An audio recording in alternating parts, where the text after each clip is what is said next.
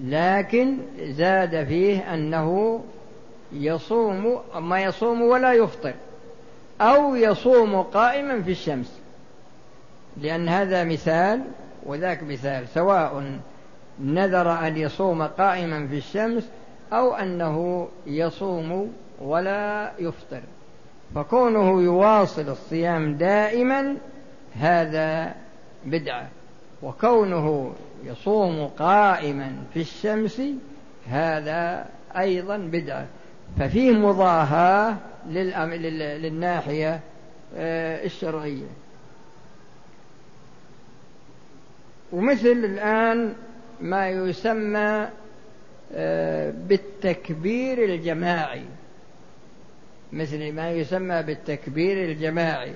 يعني يكبر واحد والبقية كلهم يصوتون بعد صوته. إذا نظرنا إلى التكبير وجدنا أنه مشروع. تكبير مشروع. لكن عندما ننظر إلى هذه الكيفية التي تحصل نجد أنها لم تقع في عهد الرسول صلى الله عليه وسلم ولا في عهد أصحابه رضي الله عنهم ولا في عهد التابعين. وقد قال صلى الله عليه وسلم عليكم بسنتي وسنة الخلفاء الراشدين المهديين تمسكوا بها وعضوا عليها بالنواجذ. وقال صلى الله عليه وسلم خير القرون قرني ثم الذين يلونهم ثم الذين يلونهم. قال الراوي فلا أدري أذكر بعد قرنه قرنين أو ثلاثة. وفيه أيضا يدخل في هذا لو أن الإنسان مثلا التزم صيام يوم معين مثل صيام النصف من شعبان. يعني حدد النصف من شعبان. هو داخل أيضا في هذا.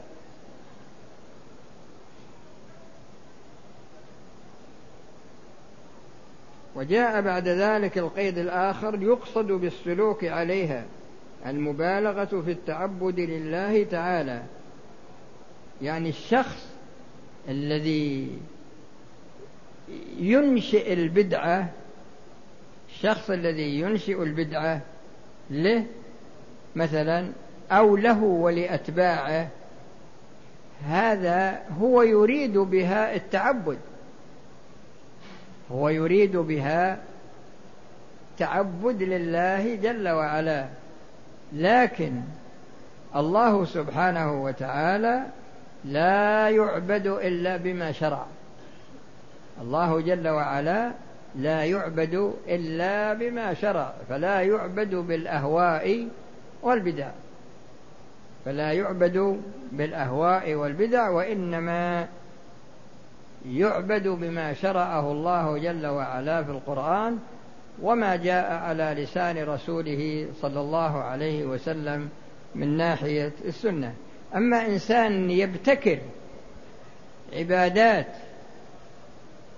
ليس لها أصل في الشرع فهذا هو المقصود هنا.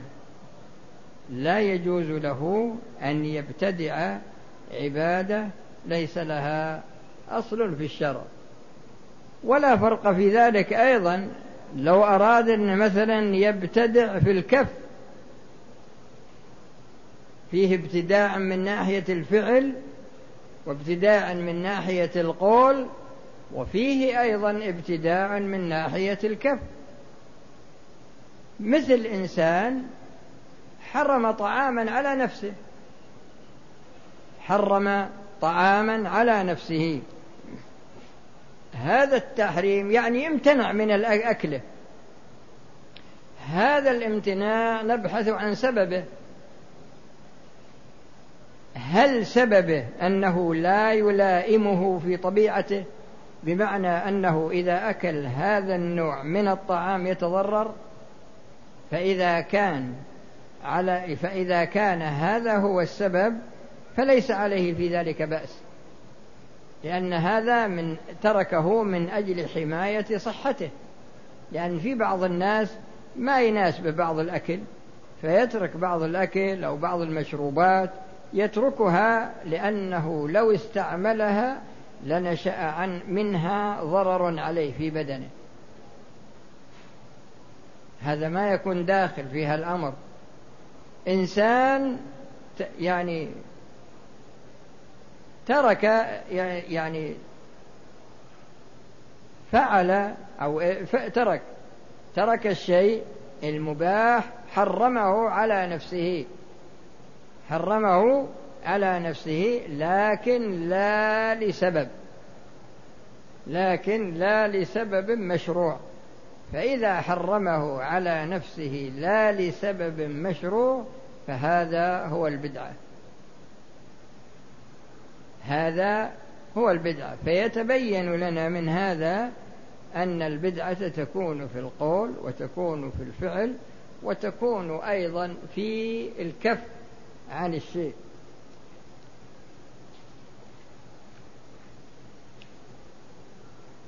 هذا منتهى الكلام على قول من قال إن الحد خاص بما كان من باب العبادات. أما الذين يعممون ويقول إن البدعة كما تكون في العبادات فإنها أيضا تكون في العادات. فهم يزيدون هذا القيد. وهذا القيد يقصد بها ما يقصد بالطريقة الشرعية. يقصد بها ما يقصد بالطريقة الشرعية.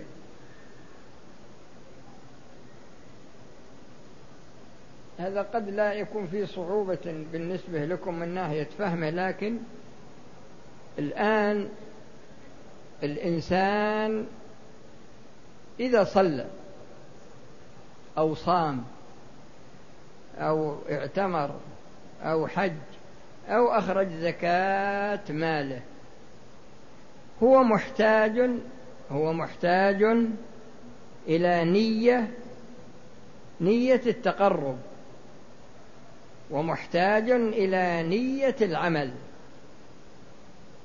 ينوي العمل وينوي التقرب إلى الله بهذا العمل.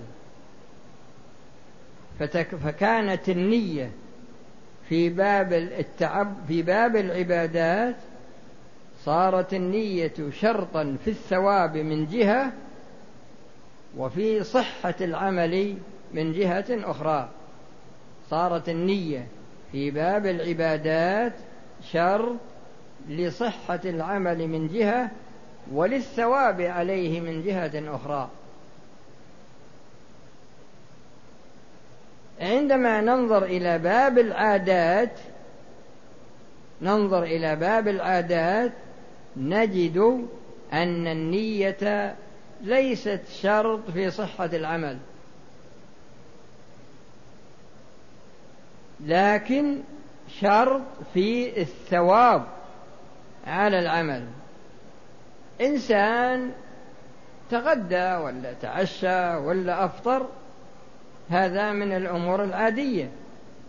لكنه في عند مباشرته للأكل نوى أن هذا نوى أنه يأكل هذا الأكل من أجل التقوية أو من أجل التقوي على طاعة الله.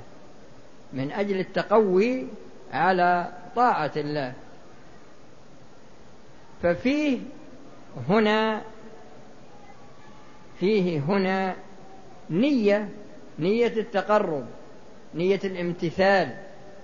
وهكذا يبيع البيع المشروع لكنه قصد الامتثال ويريد الثواب من الله في باب المعاملات المالية عموما. يبي يستأجر له بيت يستر به نفسه وعائلته يتزوج وهكذا. فحينئذ هذه العادات عندما يعملها الإنسان إذا تجرد إذا تجردت من هذه النية صح العمل لكنه لا يثاب عليه لكنه لا يثاب عليه. فإذا الثواب في باب العادات لا بد له من نية. فصارت العادات والعبادات تتفق في اشتراط النية. لماذا؟ ها؟ للثواب. تشترط النية للثواب. أما الفرق بين العادات والعبادات أن العبادات النية شرط لصحة العمل وليست النية شرطا لصحة العمل في باب العادات وليست النية. القيد الذي الذي ذكر في التعريف الثاني هو يريد أن هذه العادات يعمل عادات ينشئ, ينشئ أمورا عادية وهو يريد بها التقرب إلى الله جل وعلا. يريد بها التقرب إلى الله جل وعلا. ولكن الشيء الذي ينبغي أن أن تعتمدوه هو أن التعريف الأول هو الصحيح. بمعنى أن ال أن ال بمعنى أن البدعة إنما تكون في باب العادات في باب العبادات. أما باب العادات فهذا باب العادات أمره سهل. هذا منتهى الكلام على هذا آه، التعريف. والآن انتهينا من إذا كان أحد عنده سؤال أشوف الأسئلة. هذا رشوة طيب.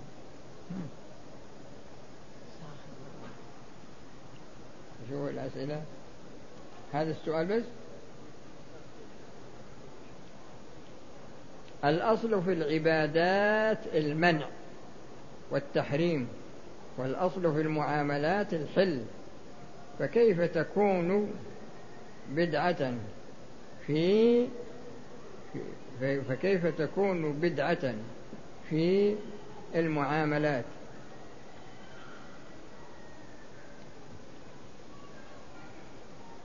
صحيح أن الأصل في باب العبادات التوقيف بمعنى أنك لا تنشئ عبادة وهذا المقصود منه في أصولها وفي كيفياتها وفي كمياتها.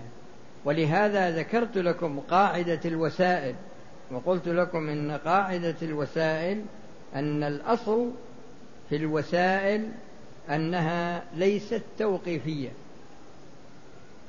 أن الوسائل ليست توقيفية. ولهذا عندما ينشئ الإنسان وسيلة للعبادة للعبادة ما نقول إن هذه الوسيلة بدعة؟ مثل إنسان يأتي للمسجد بالسيارة. سيارة ما كانت موجودة في عصر الرسول. صلى الله عليه وسلم. لكن هل نقول أنك أخطأت؟ لماذا ما تأتي على مثلا على دابة ولا تمشي على أقدامك؟ لماذا تأتي على السيارة؟ هذه بدعة من البدع. وهكذا لا.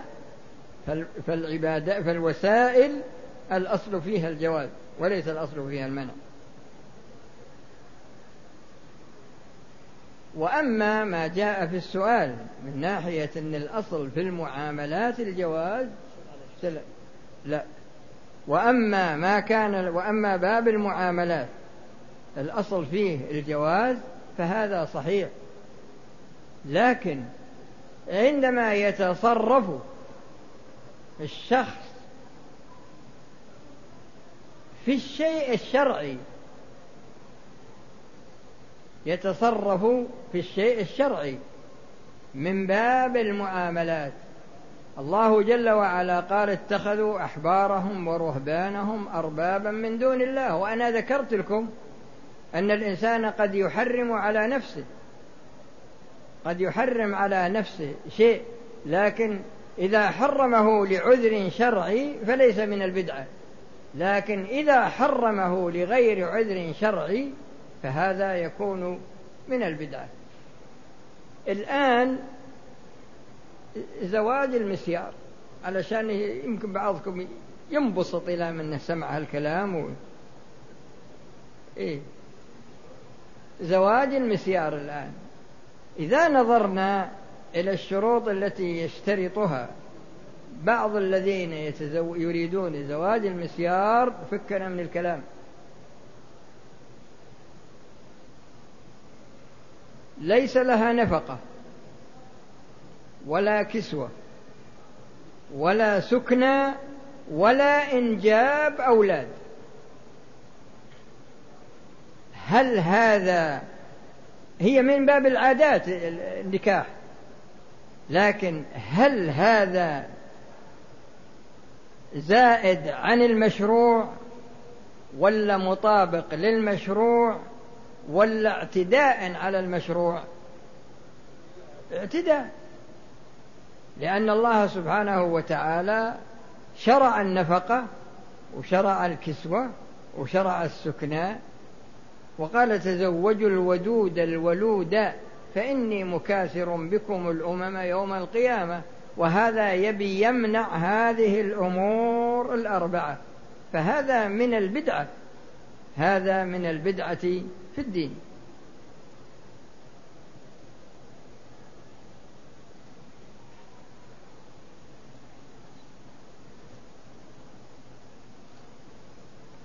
ولو صاخا يصلح. بعدين بعدين مو بلزوم.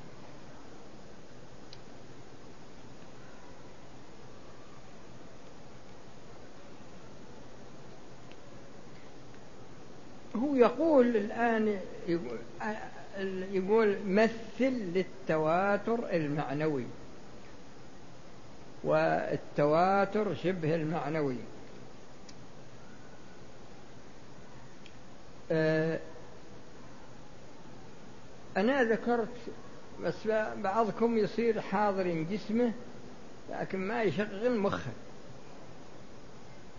ما يصير مخه في البيت ولا في السوق يشتغل يبيع ويشتري ولا فحضور الجسم شيء وحضور الفكر شيء آخر. أنا جبت قاعدة الحرج تقرير قاعدة الحرج وذكرت لكم أدلة كثيرة من القرآن وذكرت لكم قاعدة الرخص في الشريعة كلها. وإذا نظرنا إلى الأبواب التي دخلتها الرخص نجد أنها داخلة في أبواب الشريعة عموما. في أبواب الشريعة عموما.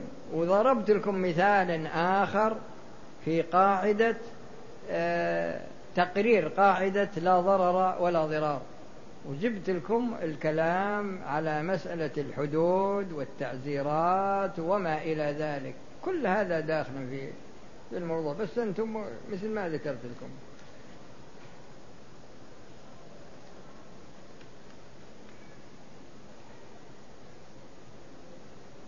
وهذا يقول يقول هذا ما الفرق بين المطلق والمقيد؟ وإذا جئنا إن شاء الله المطلق والمقيد والعام والخاص في علم الأصول إن شاء الله نتكلم لكم عليه. يعني إحنا ما نريد الأسئلة التي صيد خاطر نريد الأسئلة التي لها علاقة في الدروس التي سمعتم بس ما هو بالواحد يصنف من راسه. هناك عادة في بعض البلدان وهي إذا كان إذا خرجت المرأة من النفاس تعطى مبلغا من المال ويسأل جزاهم الله خير. تبي تمنعها بعدين تبي يمكن كنت عندهم معطن زوجك ودك بحجة شرعية علشان تقول إن الشيخ يقول ما يجوز.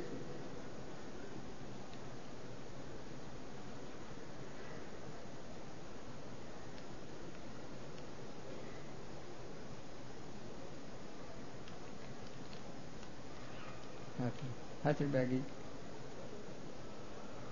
شو؟ ذكرتم يا شيخ بارك الله فيكم حديث مع رسول معاذ إلى اليمن. وفيه أحكم في كتاب الله قال فإن لم تجد قال بسنة رسول الله فهل يصح هذا الحديث سندا أم أنه لا يصح رفعه؟ إلى رسول الله صلى الله عليه وسلم لضعفه رواية ونكارة ودراية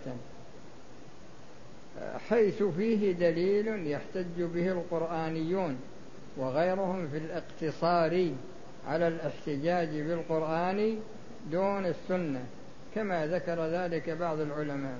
يا أخي الرسول صلى الله عليه وسلم في قضية اللعان. في قضية اللعان. لما انتهى الرجل من اللعان وانتهت المرأة من اللعان قال هو الرسول. والله قادر على إطلاعه على حقيقة الأمر. لكن هذا فيه تنبيه على مشروعية الاجتهاد. قال الله يعلم. إن أحدكما كاذب فهل منكما تائب ثلاثا؟ يعني قالها ثلاث مرات وهو معصوم. لكن الله سبحانه وتعالى أجرى هذا الحكم على يده مع قدرته على إطلاعه على واقع الأمر. من أجل أن يكون هذا دليل من أدلة تأسيس الاجتهاد.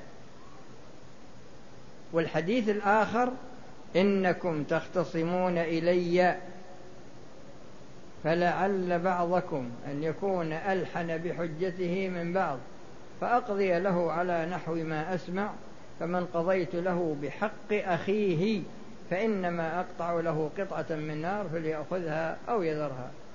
ويا أخي أنت ذكرت القرآنيون يا أخي الخلاف الموجود بين بني آدم لا يحيط به إلا الله لكن لكن الإمام من هو؟ هل الإمام الإنسان الذي ينشئ له مذهب في القرن الثالث القرن الرابع أو الخامس أو السادس أو مثل عصرنا الآن يقولون فيه طائفة الآن هي طائفة تضليل عن الشريعة. يريدون أن يجددوا فهم القرآن. يعني يلغون فهم الرسول ويلغون فهم الصحابة ويلغون فهم التابعين. القرون التي المفضلة يريدون أن يلغوا فهمها يلغون جميع هذا الفهم ويضعون مفهوما جديدا يقول علشان يناسب العصر وإذا رأيت الشخص اللي يتكلم بهالكلام ولا يشرب الخمر ويستعمل الزنا ويستعمل اللواط ويستعمل الربا ويريد أن يضع تجديد. يريد أن يضع تجديد لفهم القرآن يريد أن يضع تجديد لفهم السنة والحقيقة أن هذا إضلال للمسلمين. فما عندنا يا أخي ناس قرآنيون وناس سنيون. الله واحد والدين واحد والقرآن هو أصل التشريع والسنة مبينة للقرآن والرسول صلى الله عليه وسلم واحد. ما عندنا كم رسول؟ لكن الناس بعض بعض الناس اللي ودهم يطلعون أنفسهم يضعون مبادئ ويجيبون أسماء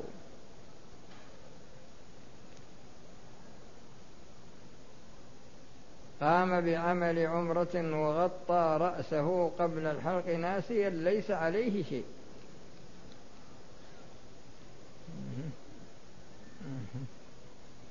شخص يلتزم البقاء في المسجد الجامع بين المغرب والعشاء يوميا.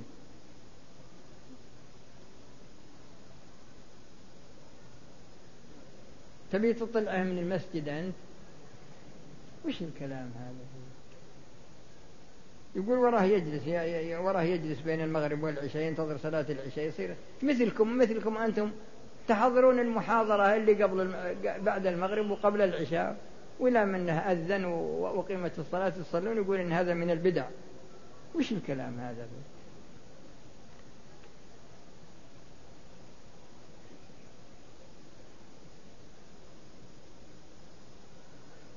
إيه هذا يقول إذا ترك الطعام لأجل قوله تعالى يعني يترك إحنا نقول فيه نوع من الطعام يتركه لأنه لا يناسب صحته. وفي أحد يترك الطعام يحرم الطعام على نفسه بغير عذر شرعي. هذا اللي قلنا نوعين. لكن الإنسان اللي يبي يزهد ويكتفي من الدنيا يعني شيء اللي يمشي حاله هذا شيء ثاني لكن يبي يحرمه.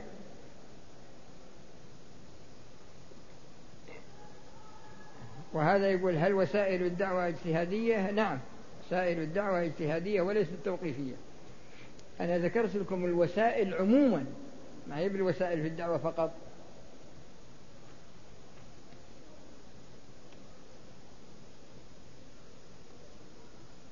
وش هالكلام هذا خلاص الأسئلة؟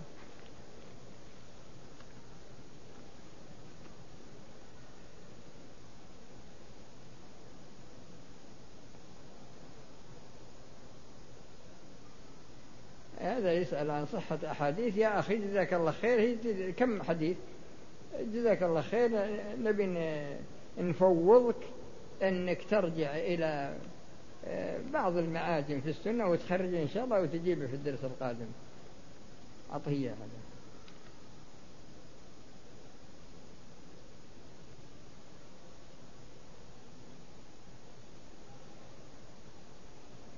وهذا يقول هذا يسأل سؤال سابق لأوانه. إلى جينا إن شاء الله محله وهو العلاقة بين القول والفعل في في في مباحث السنة. إذا جئنا إن شاء الله عند هذا نتكلم لكم عليه. ذكرت لنا أن العبادات وباب العباد وباب العادات تتفق في شيء وتختلف في شيء. فاذكر لنا فاذكرها لنا مرة ثانية. الظاهر إنك تهوجس أنت ما أنت يعني جسمك حاضر. أنا ذكرت أنهما يتفقان في النية من ناحية الثواب. لا بد من نية الامتثال من أجل الثواب. هذا الذي يتفقان فيه. ويفترقان من ناحية أن النية شرط في صحة العبادة وليست شرط في صحة العادة. يعني إنسان باع وشرى وبعد قال والله أنا ما نويت أبيع عليك. لا. ولا زوج بنته ولا الحين كثير. يقول والله أنا طلقت لكن ما نويت الطلاق. أنا والله طلقت لكنني ما نويت الطلاق.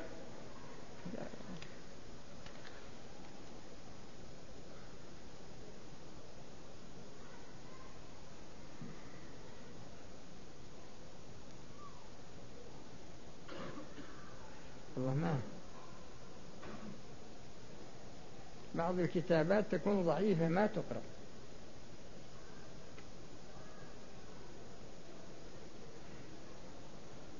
هذا يسأل والله سؤال لطيف هذا لكن إنه الظاهر جبان هو ما هو هل يجوز للرجل أن يتزوج على زوجته؟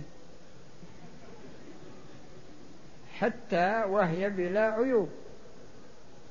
وهي طائعة لله وهل هذا الزواج يكون من السنة؟ الله جل وعلا يقول فانكحوا ما طاب لكم من النساء مثنى وثلاث ورباع فإن خفتم ألا تعدلوا فواحدة. لكن الشيء اللي يحتاج إلى التنبه له هي هو ناحية مهمة وهي قدرة الإنسان البدنية وقدرته المالية وقدرته من ناحية يعني تتوفر فيه القدرة المطلوبة.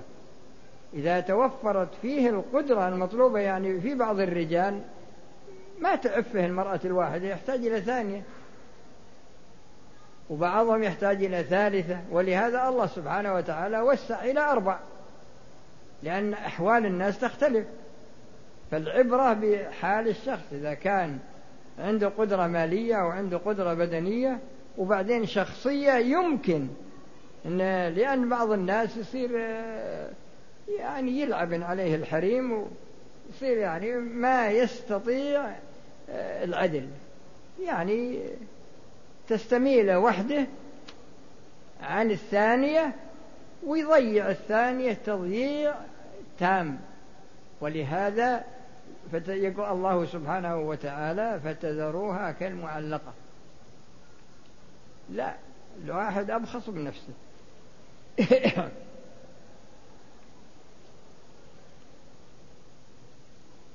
نحن مجموعة من الشباب نجتمع كل يوم في الأسبوع. لكن تجتمعون على حفظ كتاب الله وإلا وش لأجل طلب العلم. ويكون في هذا اليوم الصباح. إذا جزاكم الله خير. إذا كان إنكم تجتمعون على تلاوة القرآن يكون طيب هذا. هذا اقتصادي هذا اللي قلت يا شيخ أن الوسائل ليست توقيفية. هل معنى هذا إيش؟ أن السبعة؟ والله ما قراءة الكتابة ما هي مقروءة.